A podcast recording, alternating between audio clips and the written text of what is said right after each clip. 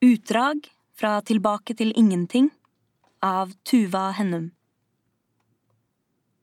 Hvordan beskrive mørke? Ikke et sånn type mørke som du kjenner i et rom der lysene er skrudd av, heller ikke det mørke du ser når øynene er lukket. Jeg tenker på dette indre tomrommet, som alltid bare er der, enten rundt oss eller inni deg, eller inni meg denne gåtefulle tilstanden som kan beskrives som at noe eller noen har flyttet inn, bare tatt over kroppen. Ute blåser vinden. Jeg ser en skikkelse som klatrer opp i det store treet på den åpne plassen foran blokka vår. Høyt opp klatrer hun. Solen varmer, men skyene lager allikevel små skygger på bakken og over kroppen hennes. Hun er i toppen av treet nå. Det er datteren min, men det kunne like gjerne vært meg selv. Jeg er redd hun skal falle ned fra treet, dette høyreiste livstreet i sentrum av byen Ingenting, men jeg beveger meg ikke. Jeg roper heller ikke ut av vinduet at hun må klatre ned igjen, jeg blir bare stående og tenker på det moren min fortalte meg en gang for lenge siden. I begynnelsen var det kulde og varme. På den ene siden var det frost og tåke, ingen vet hvor kulden kom fra, men kaldt var det der. På den andre siden var det et hav av flammer, ingen kan si hva som tente den første gnisten, men store flammer var det der. Mellom dem var ingenting, bare et stort, bunnløst gap. Den gang da jeg hørte disse ordene, tenkte jeg, midt i dette bunnløse gapet i møtet mellom isen og ilden, midt i denne ingenting, bor jeg. Er det det du også tenker? Er det nå for sent å fortelle deg om verdens opprinnelse? Kanskje er det det? Kanskje ikke? Jeg lener meg frem mot kjøkkenruten. Det dugger på glasset for hvert ord jeg sier høyt, men nå må jeg snakke for det er jeg som er moren til alle barna, og dette er historien om den natten jeg klatret over muren, den natten alt ble sort, og jeg forsvant i håp om å en dag finne tilbake. Det er innenfor denne muren verden vår ligger, det er innenfor disse veggene ingenting ble til. Muren er flere hundre meter høy og menneskene som bor her, pleier å si at den er nesten like tykk. Men det er det ingen som riktig vet, for i ingenting har ingen, absolutt ingen, lov til å bevege seg utenfor murens grenser. På toppen av muren sitter vaktene, for å forhindre menneskene i å komme seg utenfor kjempens indre og ut i dette ukjente, farlige. Før var det vanskelig å sove fordi latteren i ingenting var så høy, og fargene på husene var så kraftige at det svei i øynene når den store parafinlampen lyste opp husveggene. Så kom skyggene. Fargene på husveggene begynte sakte, men sikkert å prelle av. Sprekkene i muren ble tettet. Livstreets grener ble knoklete og tørre. Fuglene sluttet å fly alle menneskene i ingenting begynte å vandre hvileløst omkring. Til og fra postkassene våre vandret vi for oss selv i en felles takt. Nakkene våre krummet seg, og føttene begynte å subbe i bakken der vi gikk, fra blokken til postkassen, og fra postkassen og tilbake. Lyset fra parafinlampen ble så svakt at vi begynte å myse, og noen dager var det så mørkt at det ikke var noen vits å stå opp av sengen. Ingen snakket sammen lenger, alle bare maste etter melk og pannekaker. Den dagen tåken kom, sto jeg som vanlig ved kjøkkenbenken og stekte pannekaker. Men det var ikke stekosen fra pannekakene jeg kjente, tåken kom fra et helt annet sted. Hver dag hadde sakte, men sikkert blitt likere den forrige, og hvert pust kortere enn det første pannekaker og melk melk og pannekaker jeg vet ikke hvor tåken kom fra, den kom først helt umerkelig, men snart var jeg omgitt av en seig, røykfull skodde som drev inn fra dørsprekken og opp gjennom parkettsprekkene. Skyggene ble tunge. Hvert innpust ga meg en følelse av å spise finkornet aske som det var umulig å svelge. Jeg kunne igjen kjenne dette bunnløse gapet inni meg, et ingenting midt i ingenting, et tomrom i kulden, uten varme, bare et endeløst sluk. Det var i hvert fall sånn det føltes. Mamma? Det var på den tiden jeg så på meg selv som en god mor. I virkeligheten var jeg ikke det. Mamma. Først lavt, tror jeg. Jeg bare sto der. Mamma. Vi vil bare passe på deg. Mam mamma. Men sannheten var at dere kunne ikke hjelpe meg. Jeg prøvde å fortelle dere at jeg var bortenfor hjelpen og utenfor ingenting, men det eneste som kom ut, var egg, melk, mel, salt og sukker, egg, melk, mel, salt, sukker… Jeg bare sto der som en vaiende skyskraper, fargeløs og grå, fargene hadde for lengst blitt skrellet av. Utenfor vinduet svaiet det døde livstreet i de samme bevegelsene som mine egne.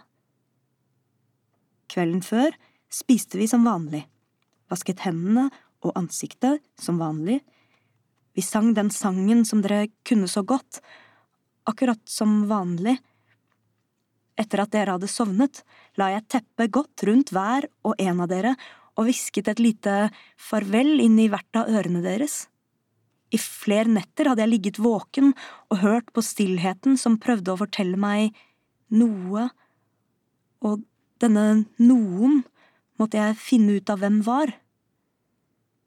Den natten var jeg overbevist om at dere ville ha det bedre uten meg. Skyggene rundt hodet mitt var blitt for store, og mørket var blitt for mørkt. En mor mindre er bedre enn en mor i mørket, sa jeg til meg selv idet jeg listet meg gjennom døren som førte meg ut i gangen. Jeg ble stående og stirre ned de mange hundre tusen trappetrinnene og kom til å tenke på vaktene på toppen av muren. Om de skulle oppdage meg her ute, i trappeoppgangen så sent på kvelden, da ville vi miste melken til pannekakene en hel uke. Det var som om jeg ikke hadde noe valg, som om føttene mine gikk av seg selv Trappetrinn for trappetrinn snek jeg meg langs gelenderet som førte meg ned til den tunge jerndøra. Det var strengt forbudt å ikke sove etter at vaktene hadde blåst ut den store parafinlampen, og ble jeg oppdaget her ute, om natten så ville vi miste melken til pannekakene et helt år, og, og, og uten pannekaker og melk så ville vi skrumpe inn og dø hele gjengen. Klam på hendene åpnet jeg opp døra. De bare føttene mine begynte å springe rett ut i den kalde natten. Hvert skritt var som å tråkke ned på skarpe nåler, men lungene mine skrek ikke. Fort løp føttene mine i sikksakk mellom vaktenes lyskastere, kroppen min dukket, hoppet over, sprang forbi livstreet, uten å la vaktene fange meg inn. Fremdeles kunne jeg høre stillheten som prøvde å hviske meg noe i ørene som jeg ennå ikke visste hva betød. Jeg knep igjen munnen for å ikke bli kvalt av den grå luften som fylte ingenting. Husker du kjempen? Fra alle kanter lyste lyktene rundt hodet mitt, som om de visste at jeg var der ute i mørket, midt på natten. Hjertet mitt banket så høyt fra innsiden av meg selv at jeg ble redd vaktene kunne høre slagene. Husker du kjempen, som ofret livet sitt for å bli til hele verden? Blodet hans ble skapt om til hav, kjøttet hans ble til landet menneskene står og går på, og rundt landet ble det bygget en mur av kjempens øyenbryn.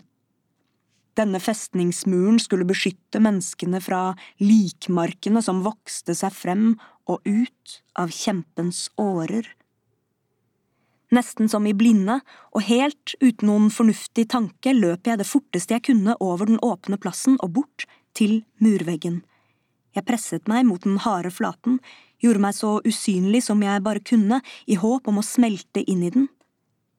Veggen var så glatt som oversiden av tallerkenene vi pleide å spise pannekaker av, og like ugjennomtrengelig.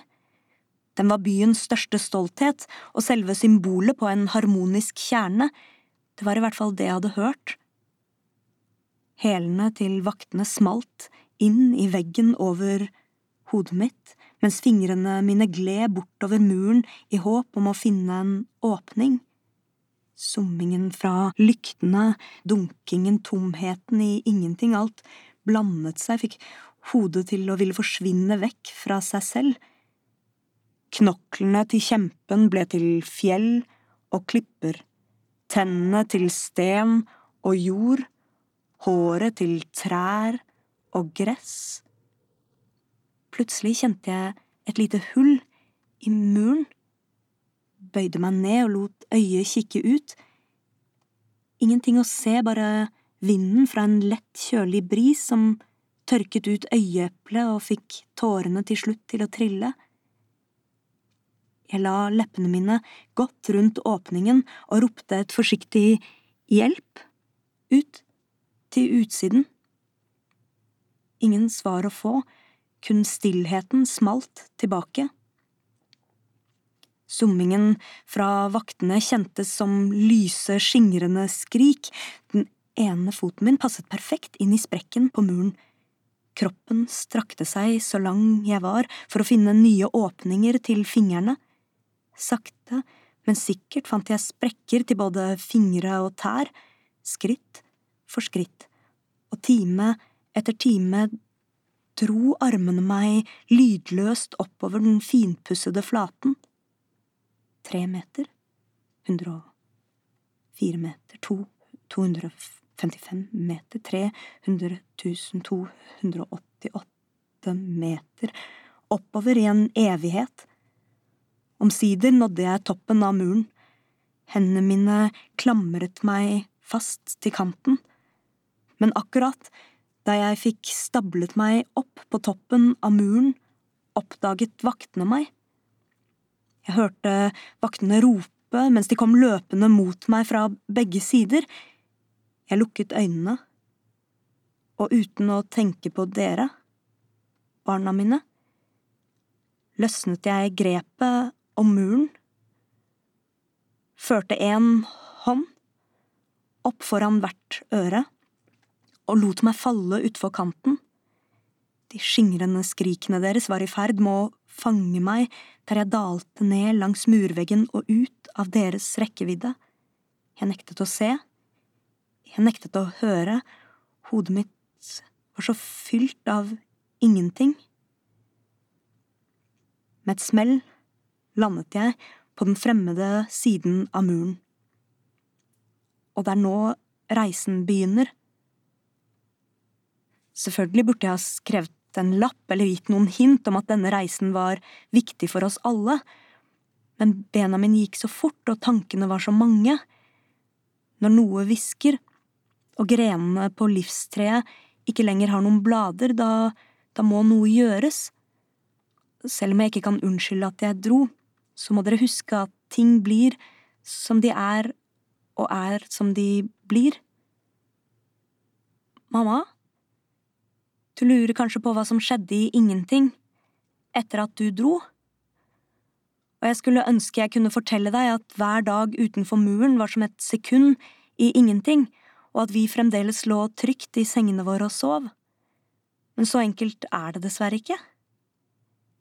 Etter at du dro, våknet én etter én og begynte å vandre omkring, på leting etter deg.